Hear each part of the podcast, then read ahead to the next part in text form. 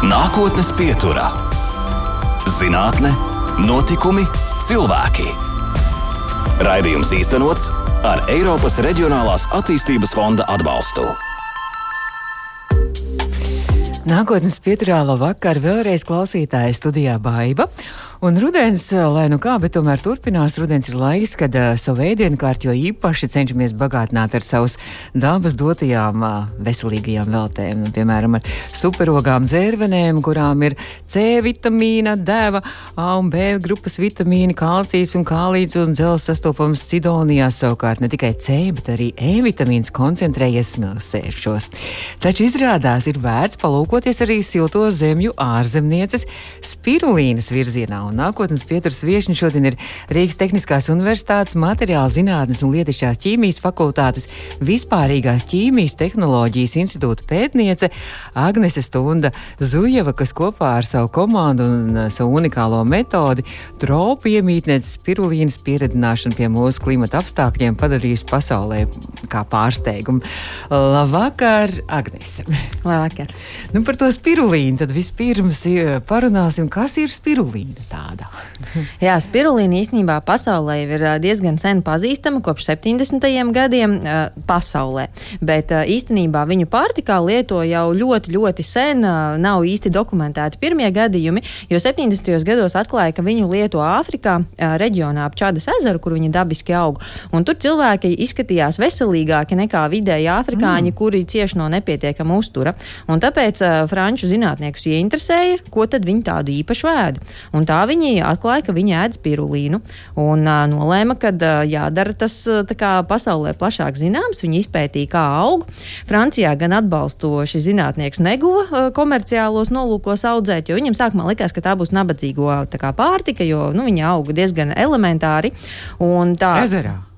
Nu jā, tā kā dīķī. Uh mhm. -huh. Tagad komerciāli arī lielākā daļa, nu 99% komerciāli pieejamā spirulīna tiek audzēta tādos ļoti seklos, ļoti lielos dīķos. Uh, nu jā, bet uh, reāli viņš satika tos cilvēkus, kas noticēja viņa idejai uh, Amerikā. Un tur arī pirmā audzētava radās, un tur arī, teiksim, viņu nomārketēja, ka cilvēki uzzināja, kas ir spirulīna. Bet es gan vēl palasīju, nezinu, vai tā ir taisnība, vai tā kaut kāda leģenda, ka vispār spirulīna jau kaut kāda līdz pat 16. gadsimtam kāds teikt to esot arī lietojuši un kaut kur Vidusamerikas arī cilvēki. Jā, pēc tam šie franči sāka skatīties, kur vēl pasaulē kaut ko līdzīgu lieto, un jā, atklājās, ka atstekiem, nu, teiksim, pareizāk sakot, ie, ie, iebraucējiem no Eiropas, iebrucējiem, kad viņi skatījās, ko ēd, ir pieraksti, ka kaut kādu dīvainu zaļu, nu, tā kā dubļu sēd, jo, nu, pēc apraksta tas tā, mm. viņi nemācēja to nodefinēt, jo tā spirulīna ir tik sīka, smalka mikroāļģi, ka viņi tiešām vienkārši izstāsta, nu, tā kā Latvijas latviešiem ir brūnie dubļi māli,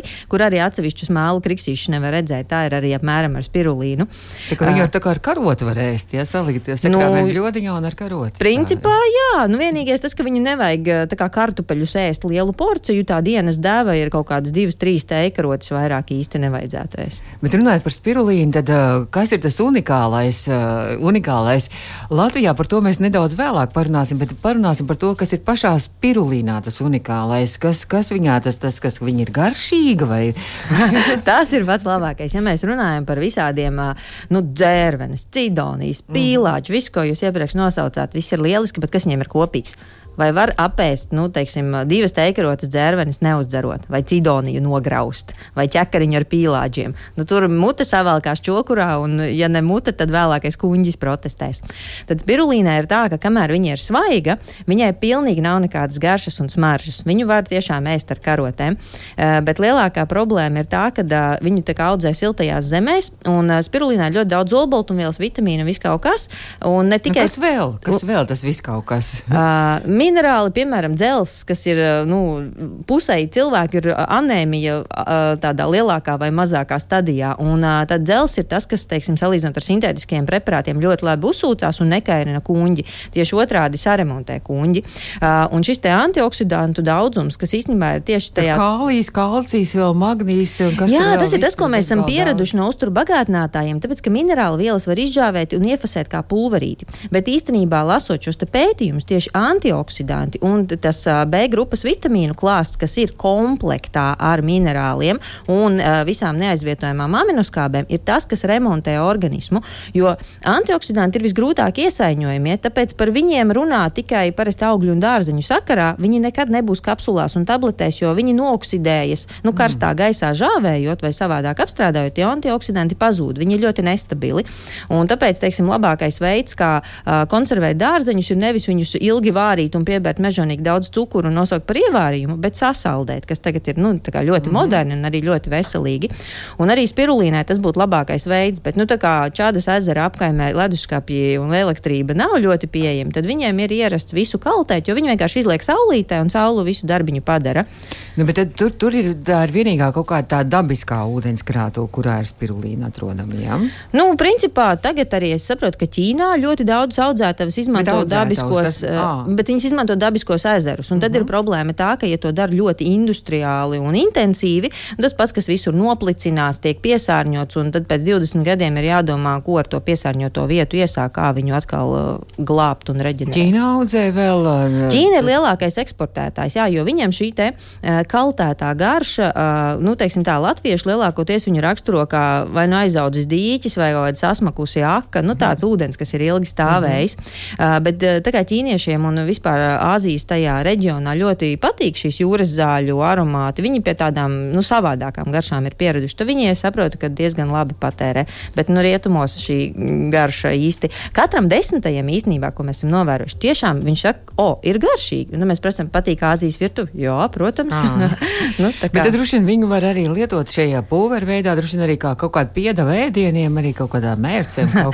nu, ja tā garša patīk, tad var. Bet īstenībā ir atsauksmes tādas, ka ar vienu teikarot var litru smūtiju sabojāt, jo tā garša ir ļoti intensīva. Un tad, kad samitrina, viņi tā kā nāk vēl uz āru. Bet, ja zina, ka tas ir veselīgs, tad, tad, tad man liekas, viss var nu, pārvarēt. Nu, ziniet, uh, manuprāt, visizturīgākie un vis tādi, nu, varētu teikt, mazliet fanātiski cilvēki ir vegāni. Bet, ja pat vegāni pasaka, ka viņi ir nopirkuši un tā paciņa, nu, divreiz varbūt attaisīja, nu, vēl trešo reizi pamēģināja, bet ceturtajā reizē vairs, nu, nevar iēst, nu, tad, tad ir skaidrs, ka nevar. Bet, nu, tā tad arī šo viņu audzē, tagad arī Eiropieši ir pārņēmuši šo, šo, šo vērtīgo mm, lietu. Jā, un... interesanti, ka Francijā viņiem ir pat izstrādāts vadlīnijas, un tur ir Francijā tie cilvēki, nu, kā mums ir, piemēram, tomātu audzētāju klubs, viņiem ir spirulīna spirulīnas audzētāju klubs, kur katrs, kuram ir zemes pleķītis, uztaisa nelielu siltumnīcu, jo Eiropā ir par augstu, lai audzētu vienkārši tāpat. Mm -hmm. Ūdenim ir jābūt 30 līdz 35 grādi, lai viņi augtu. Ja ir vairāk, viņa diezgan strauji nomirst, ja ir mazāk, viņa vienkārši neaug. Un tad siltumnīcā ir kaut kāda ūdens tilpne, ja? Nu, jā, nu tā kā mhm. baseins vai mm -hmm. izrakts sekls dīķīts,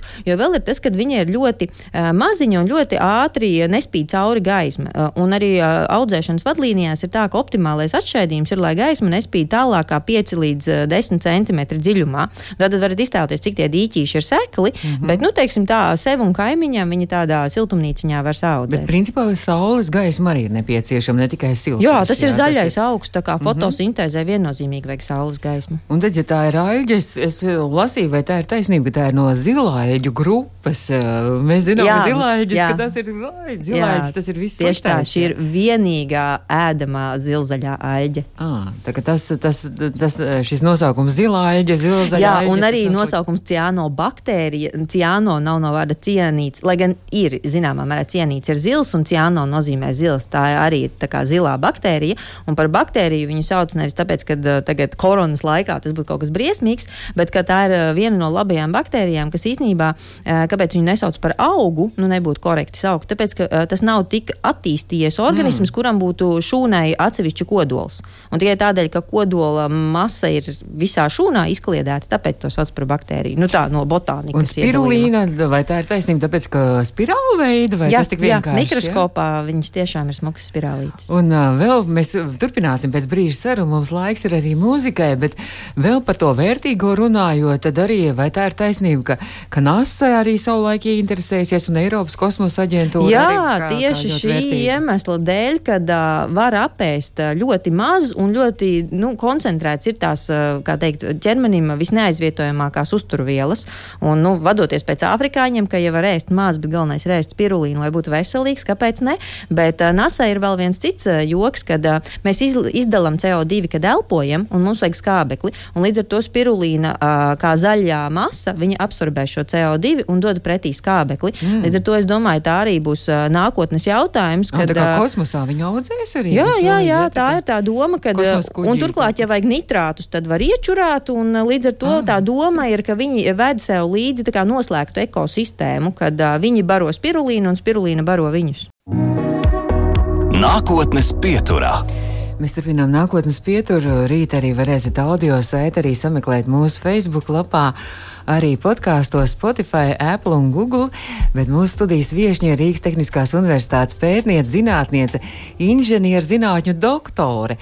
Agnese Stunda Zujeva, Agnese, kā tā sanāca inženierzinātņu doktoru un, un kaut kā tā kā vairāk ar tādām medicīnas tēmām, ar bioloģijas tēmām, ar ķīmijas tēmām. Nu, ja gribas pirulīnu audzēt Latvijā un ne pēc franču metodas dīķī pēc priekšrakstiem, bet nu, mēs esam pietiekami tālu ziemeļos, lai mums tā dīķī nu, pārāk īsa ir vasara un pārāk augsta, tad jābūt inženierim, lai uzbūvētu, kur te viņai dzīvot un augt. Nu, tad jau mēs esam nonākuši pie tā, tā galvenā, kāpēc Latvija ir tik unikāla. Un es saprotu, ka jau dažādās arī startautiskās prezentācijās, ka neticēja, ka Latvijā varētu audzēt arī šo augu. Augu vai nu, kā mēs viņu saucam? Jā? nu, jā, nu, gribās jau viņu likt jā. pie augiem, jo tomēr ir zaļš un uh, aug mm -hmm. ar gaismu. Uh, bet īstenībā ne jau Latvijai neticēja. Neticēja tam, ka to var darīt uh, iekštelpās, slēgtā tvertnē, nu, tātad bez dīķa un bez saules gaismas, jo visi saka, nu, saule ir tik tik lēta, ka tā ir enerģija, kas ir jāizmanto. Bet uh, mēs sapratām, ka uh, saule, nu, piemēram, Latvijā ir ļoti neusticama. Mēs zinām, ka var nedēļu no vietas būt tik uh, liels lietus vai apmācies, kad uh, pat uh, augi siltumnīcā neaugs. Uh, un spirulīna aug tik ātri, ka ražu var vākt uh, katru dienu. Un iedomājieties, ja jums, uh, teiksim, gurķim uh, tā lietainā pret saulaino dienu izkliedējās tur sezonas garumā, tad uh, spirulīnai tomēr ir forši, kad ja viņa aug, tad viņa nu, tiešām sistemātiski var augt. Un, nu jā, un pat īstenībā tas ir iespējams pateicoties lediem, tam, kad diodes kļūst aizvien pieejamākas, datortehnoloģijas, lai to visu automatizētu, pieskatītu, jo tas ir mikroorganisms. Ja viņam kaut kas nepatīk, viņš var nomirt dažu stundu laikā. Tas nav tā kā ar tomātu, nu nepalē vienu mm -hmm. dienu, nepalē otru dienu. Tad diezgan kaprīzi tomēr ir. Uh, jā, mikrobioloģija vispār ir diezgan kaprīza un, un tā, bet uh, jā, un uh, īsnībā tā ir, kad cilvēks, kurš ir sarakstījis, manuprāt, vislabāko grāmatu par spirulīnu, Man bija tas gods ar viņu ēst kopā svinīgās vakariņās, un viņš teica, nē, nē, istabā un reaktoros nav vērts pat mēģināt. Tā kā, bet nu, mums tas ir izdevies, jo nu, tehnoloģijas iet uz priekšu un vajag tik pamēģināt. Nu, tad tā, uzbūvēts ir šis bioreaktors. Pat jā. vairāk jau es saprotu, jā. pāris gadu laikā viss šis ir noticis ļoti strauji. Jā. Nu, īstenībā jā, jo mums pagājušo gadu decembrī vēl bija tikai viens, un mēs vēl tikai skatījāmies, augs vai neaugs. Tad tagad jau mums ir trīs 200 litrīgas tvertnes, un uh, aug tiešām ļoti labi. Tā kad uh, mēs tiešām priecājamies, ka uh, spirulīna mūs mīl, un mums tie zaļie pirkstiņi ir. Ķīpselā, jā, tas ir. Jā, tas jā. ir ķīpselā. Nu, kā tas notiek? Kur jūs dabūjāt to pirmo kaut kādu sēklu? Varētu teikt, vai kaut kāda tāda? Nu, tas tā kā tradicionāli biologiem ir tādas aļģu bankas, šūnu bankas, sēklu bankas, vienkārši pasūti, tev atsūta tādu, nu, tā kā trīs ēdamkarotes mazītiņu mēģinīti, un tad tu mēģini izaudzēt sākumā, lai tev ir 100 grāmi, tad jau litrs, nu, un tagad jau 600 litri. Nu, tad, piemēram, nu, tad jums tas ir tas baseins kaut kāds iekārtots. Nu, viedais ja? akvārijas, sauksim mm -hmm. viņu tā tajā, nu, tad tur vienkārši saber tās sēklas iekšā, tās maziņās, tās mikroaļģītes, un tad viņas pašas aug, vai tur tomēr kaut kas ir īpaši tie apstākļi vēl, nu, bez, bez tā siltuma, bez, bez lēda, kaut kas vēl tur ir vajadzīgs? Nu, īstenībā tur ir ļoti komplicēti. Tas ir tā, ka ir vajadzīga gaisma, pareizā daudzumā siltums, gaisma ir vajadzīga atbilstoši tam, cik ir siltums, tad vēl to visu vajag maisīt, lai katrai šūniņai būtu gaisma. Nevis tikai, nu, teiksim, nevar būt tā, ka viena šūna visu laiku ir tuvāk lampai un otra tālāk. Tas nav tā kā salātu podziņus mēs saliekam, un tad viņi tur stāv, mm. lampa stāv, un viss atnākam pēc nedēļas vai trīs mēnešiem. Uh, spirulīna ir tā, ka viņa visu laiku maisās, ir jāsaprot, kā pareizi, jo mēs viņu maisam ar burbuļiem. Burbuļi savukārt mm. maina, kā izkliedējas gaisma. Tad vēl pa vidu tam visam ir tās barības vielas, jo viņi peld tā kā minerālu ūdenī, nu, kuru arī Jā, viņi tā kā attiecīgi. nevis parastajā krāna ūdenī, bet vēl Nē, kaut tas ir filtrēts krāna ūdens, bet ir jāpievieno vēl 18 minerāli, lai būtu tas ideālais mm -hmm. uh, ko, nu, tā kā barības bāze, ko ēst. Nu, un tad uh, tur dienā, cik tas uh, jūs kaut kā savācat to ražu arī, kā tas tālāk notiek? Nu, tā kā spirulīna nav viena šūnis, bet tāda spirālīte, kas sastāv no krietni daudz šūnām, tad uh, šajā gadījumā ļoti labi, ka mēs varam vienkārši nofiltrēt. Jo, teiksim, tie, kas zina mikroaļas, ir vēl tāda chlorella, tur novākšana ir viena no problemātiskajām lietām, jo tas ir viens šūnis, kuru nevar nofiltrēt. Viņš ir tik maziņš, kad filtriem iet cauri, vai arī filtrs ir tik blīvs, ka viņš rada milzīgu pretestību un līdz ko neliela kārtiņa ir nofiltrēta, viņš aizdambējās. Nu, un tad cik tad dienā apmēram tad izdodas tā raža? Vai, vai, vai nedēļā? Kā- Nu, pagaidām mums ir tā, ka ir kā 200-300 grami no 200 litriem. Nu, tas sanāk, uh, Dienā apmēram. jā, dienā, Mhm. dienā. Nu, brīnišķīgi, un tālāk, tālāk vēl ir tā jūsu unikālā ideja, ka, kā jau mēs sākumā runājām, ka visa pasaule pārsvarā pazīst kaltētu un pulveru veidā šo spirulīnu, tad jūs esat gājuši tālāk. Jā, ziemeļos es domāju, saldēti zirnīši, saldēti dārzeņi, zemenes. Mums tā liekas klasika, bet es biju tiešām pārsteigta aizbraukt uz Franciju un konstatēt, ka tie, kas audzē dīķos, viņi šo nu, no kādiem 20 audzētājiem divi bija, kas teica, mēs esam inovatīvi un super radoši, un mēs izdomājām saldētu. Mēs tā sēžam, klausamies, hmm, ak, tā arī izrādās ir inovācija. Nu, tad jūs, jūs tagad savu spirulīnu nekaltējat, jūs saldējat. Jā, mēs šobrīd saldējam. Mēs īstenībā domājam, ir tāda izsaldēšanas, kaltēšanas veids, ko pārtiks tehnoloģija sauc par sublimāciju. Mēs tā kā domājam, ka iespējams to varētu pamēģināt, bet, nu, kā teikt, mēs kā pētnieki vispirms palasām publikācijas, un tad arī ir diezgan tādi pretrunīgi dati, kā tieši viņu labāk izsaldēt, jo šie ļoti vērtīgie antioksidanti arī izsaldējot, tomēr viņi var izgaist mm -hmm. un noksidēties. Nu, un tad uh, tas tiek kaut kādās tā kā ledus kubiciņu veidā, vai kā viņi tālāk. I- e, nu, Tieši kā, kā mēs šobrīd Jā, jā. jā, jā viņi ir sasaldēti porcijās, uh -huh. iemet glāzītē ar ūdeni, vai uh, drosminieki var mēģināt nosūkāt tāpat. Un, uh, jā, gatavs lietošanai. Un garš ir daudz labāk nekā pulverim, jā, nav tā tā. Garšas praktiski garša, nav. Ja mēs salīdzinām arī ar pīlāģiem, mm. tad uh, garšas vispār nav. Viņu droši var iejaukt bezgaršas jogurtā, un tas jogurts garšos vēl aizvien pēc jogurta. Viņu var ielikt apelsīnu sulā, tā sula kļūst kolosāli zaļa. Uh, un kas ir interesanti, jā, tā krāsot spēja ir tiešām unikāla, kad, uh, teiksim, litru ūdeni ar 15 ml spirulīnas var noklāst, nokrāsot tik zaļu, kad uh, karafei pat gaisma cauri nespīd. Fantastiski. Bet nu, tad droši vien, ka, ka šo, šo, šo vērtīgo uzturvielu tad, mēs varam ieteikt, kam visvairāk nu, teiksim, varētu interesēt. Tas viss vai jebkuram, vai tomēr kaut kā īpaši tur sportistiem vai, vai, vai kaut kādiem. Jā, ir īstenībā, kas ir ļoti interesanti. Es atradu 90. gadu rakstus par to, ka Ķīnas sportistu izlases lieto spirulīnu. Viņiem ir pat speciālas, speciālās audzētavas, ne jau mm. tādas priekš parastās publikas. Arī Indijā, kur dabiski ā, var audzēt spirulīnu, indiešu sportistiem ir. Bet interesanti, ka pēc 90. gada neviena publikācija neparādās. Tātad tas ir tas sportistu laikam noslēpums. Neies jau visai pasaulē stāstīt, ko un kā viņi ēd.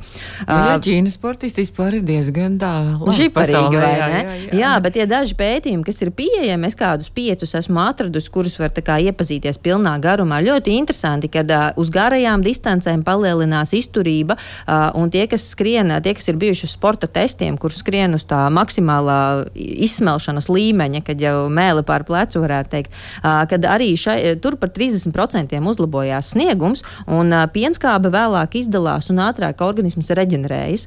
Tā kā sportisti noteikti ir viena grupa, bet nu, to pašu jau īstenībā var teikt par jebkuru stresu vai smagu darbu. Bet ļoti interesanti ir, manuprāt, man kā sievietei, kurai hroniski trūks dzels, ļoti patīk šie pētījumi, kas parāda, cik labi dzels uzsūcās. Un es esmu viens no tiem cilvēkiem, kas ir pamēģinājis izmēģinājis, manuprāt, gandrīz pusi no pieejamiem dzelzceļa preparātiem, un man viņi visi kairina kuģi. Tad mhm. spirulīna tiešām to nedara. Un vēl interesanti, ka lietojot kopā ar šiem dzelzceļa preparātiem, viņš novērš arī kuģa kairinājumu. Mm -hmm. Un ir atsauksmes no klientiem par to, ka arī kaut kādi gastrītiskie visādi, nu vai nu, teiksim, gastrīti izraisīti atviļņi, klepus un visādi tādas nepatīkamās sajūtas, viņas tiešām mazinās. Tas ir ļoti interesanti. Bet tam arī olbaltumvielas avots, tas ir labs arī, jā? Nu, svaigajā viņā uh, ir liels mitruma saturs, tur varbūt olbaltumvielas nav tā kā mm -hmm. kaltētajā 60 vai 70 mm -hmm. bet uh, jā, visas neaizvietojamās aminoskābes tur ir. Un, kā, un, un, un omega 3 augu valsts. Arī, nu, ne? tas Vai gan tas, ir tas, baigi tas, strīdīgi. Manuprāt, tas parādās tikai rakstos, kur chlorēlu ar spirulīnu min jā. kopā, un patiesībā tas ir uh, chlorēlā. Spirulīnā tauku saturs vispār ir uh, nepilni 5%, mm. un tā ir gamma linolēna skābe. Bet tas ir diezgan daudz, 5%. Vai ne? Nu, Bet, ja droši vien jau labi iet Jā, tā ir gama linolēns, kā mm. arī viena no unikālajām, kas uh, iekaisumus mazina un palīdz organismam būt veselam. Nākotnes pieturā. Un mēs turpinām nākotnes pieturu ar mūsu viesņu Agnesi Stundu Zuļevu no Rīgas Tehniskās Universitātes vēl vienreiz to garo nosaukumu materiāla zinātnes un lietišķās ķīmijas fakultātes vispārīgās ķīmijas tehnoloģijas institūta pētniece Agnēs, bet jūs sākāt savu, savu akadēmisko karjeru ar citu sfēru, ar keramikas implantiem. Jā. Doktora disertācijā aizstāvēja. Jā, es konstatēju sarunās ar citiem cilvēkiem, ka es laikam esmu modernais cilvēks, kurš reizi 15 gados nomaina, ja ne gluži profesiju, tad to tēmu. Jā, jo es pavadīju tur kādus 15 gadus šajā tēmā, uh, izstrādāju disertāciju, konstatēju, ka viss ir forši, bet uh, nu, ir tas teiciens, uh, zāle otrā pusē vienmēr ir žogam zaļāka. Un esmu no tiem cilvēkiem, kam uh, komforts ir nevis sēdēt, garlaikoties un darīt visu laiku vienu un to pašu, bet gribās kaut ko jaunu. Un man vienmēr likās, ka nu, tie citi pētnieki, ka viņu pētījumi ir visaizraujošākie un vislieliskākie, noderīgākie un uh, tam līdzīgi. Nu, tad es arī sapratu, ka es gribu kaut ko jaunu. Un man kolēģi Kristīna Veģere tieši strādāja par biotehnoloģijām, uh, kas man likās, nu tas ir reāli progresīvs virziens. Un tad es prasīju, nu, kādas idejas, ko vēl varētu. Es arī kaut ko gribu darīt. Un viņa teica, ka viņai nav laika, bet mikroaļģes ir nu, tāds ļoti populārs topiks, jo viņa pati strādā ar biometānu, kas arī ir ļoti aktuāls to, kā, tēma. Droši vien Latvijā arī daudz jau viņu kā, komerciāli iegūst. Uh, un stāsta par to, ka mikroalģes ir tik perspektīvas, tāpēc, ka viņas uh, auga ļoti bieži vairojās daloties un ļoti ātri. Viņas var uh, biomasu dubultot reizi dienā, dažas pat divreiz dienā, nu, salīdzinot ar kokiem un krūmiem, kur jāgaida 80 gadi. Nu, tas ir mm -hmm. fantastiski.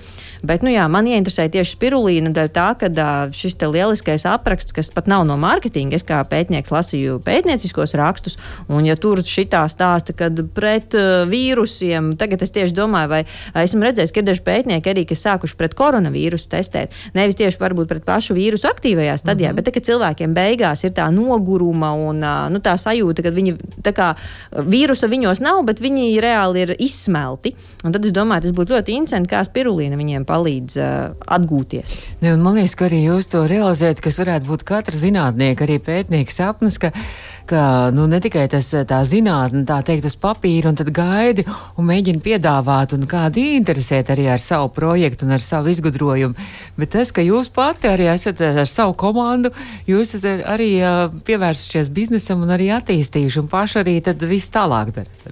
Nu, tas jā, ir... varētu teikt, ka nejauši tā sanāca, jo mēs sākumā meklējām tēmu, kur ir izteikti lietišķa.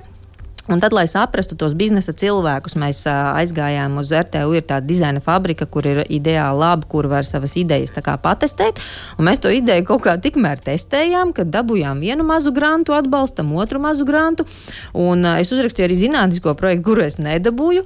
Nu, tad kaut kā tā sanāca, ka vienkārši tā biznesa puse pati vilka mani iekšā un attīstījās, un tā, tā tas sanāca. Jā. Bet, nu, jūs esat patentējuši jau vai jau izstrādājat patentu arī šiem bioreaktoriem, domāju, ka tas varētu arī pasaulē arī aiziet, arī viss šī, šī ideja. Uh, nu, ar patentiem īstenībā ir interesanti tas, ka uh, nu, spirulīnu patentēt mēs nevaram, jo tā ir pasaulē mhm. zināma, mm -hmm. bet ja mēs patentētu reaktoru, tad mums visai pasaulē ir jāuzzīmē viņš un tajā patentā jāparāda. Mm -hmm. Patents ir publiski pieejams. Jā. Līdz ar to šajā stadijā mums izdevīgāk ir nevienam neko nezīmēt mm -hmm. un mhm. nerādīt. Nu, tad, kad mēs viņu, noslēpums. Jā, jā, bet nu, tad, kad mēs viņu atstrādāsim, mums ir tāda sapnis par to, ka reiz būs tāds reaktors, kur nospied pogu un pēc instrukcijas tur ielai šito šķīdumiņu tur, atgriez krāniņu tur un tev iztek jau tādā kokteilītis. Mm -hmm. uh, nu, tad, kad mēs būsim tik tālu tikuši, tad mēs patentēsim. Nu, es ticu, ka jūs arī realizēsiet savu sapni, jo esat tik ātrā laikā jau realizējuši šo par šo bioreaktoru un par to, šo spirulīnu audzēšanu. Es domāju, ka tas, tas būs sīkums viens solis līdz arī nākamajam sapnim. Nu, cerēsim.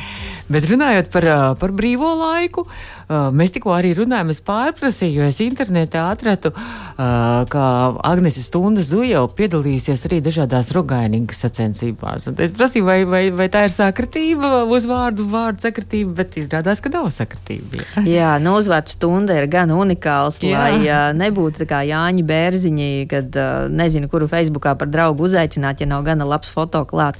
Jā, tā ir taisnība. Es kopš skolas iesāku sāk orientēties, jo 90. gados, kad es gāju skolā, tad bija tā, ka, tad, kad mēs gribējām nodarboties ar sportu, mums visur teica, ka mēs esam par vecu.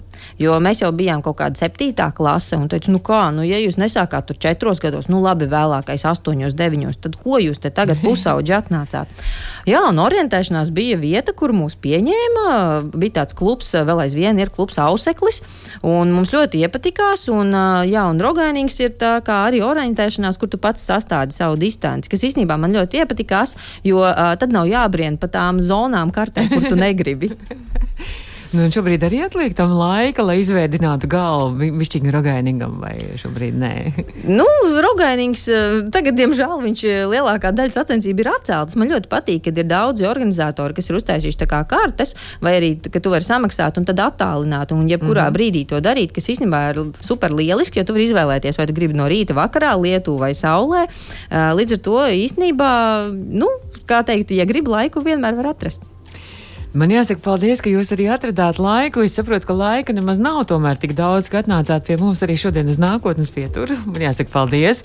Un jānovēl panākumi tad jums un jūsu komandai. Un pirmie panākumi ir jau, es saprotu, ka ir bijuši. Uh, vairākas arī jau izstādes. Tas ir klimata, arī klimata launchpad. Arī tur jūs piedalījāties, jā? Konkursā. Jā, tas bija tāds konkurss. Jā, jā kur pasaules biznesa idejas arī tika prezentētas. Jā, tas bija ļoti interesants veidi, konkurss, kurā tas, teiksim, balva nebija, mēs nevinējām vienīgo balvu, kas tur uz 300 komandām bija naudas balva, bet aizbraukt uz pasaules finālu Skotijā. Es nekad nebiju bijis Skotijā, tas bija pirmais, kad viņi šo braucienu apmaksāja bet otrais bija, kad iespēja par savu biznesu parunāties ar cilvēkiem no Austrālijas, Kazahstānas, no ļoti daudz valstīm, jo organizatori bija uztaisījuši tā, ka, nu, es neesmu tāds cilvēks, kas iet ar svešiniekiem runāties, bet tur tiešām viņi teica, nu, tagad parunājieties ar cilvēku pa labi, pa kreisi, un ja jūs gadījumā sēžat blakām savam teammate, nu, tā kā mm -hmm. komandas biedram, tad pārsēdieties citur. Bet ļoti labs konkurss bija. Man liekas arī, kad satiekās arī savstarpēji arī domu biedri, kas domā par šo zaļo dzīvesveidu, par planētas nākotni, klimatu un viss, kas ir šobrīd ļoti, ļoti tieši arī arī būtiski.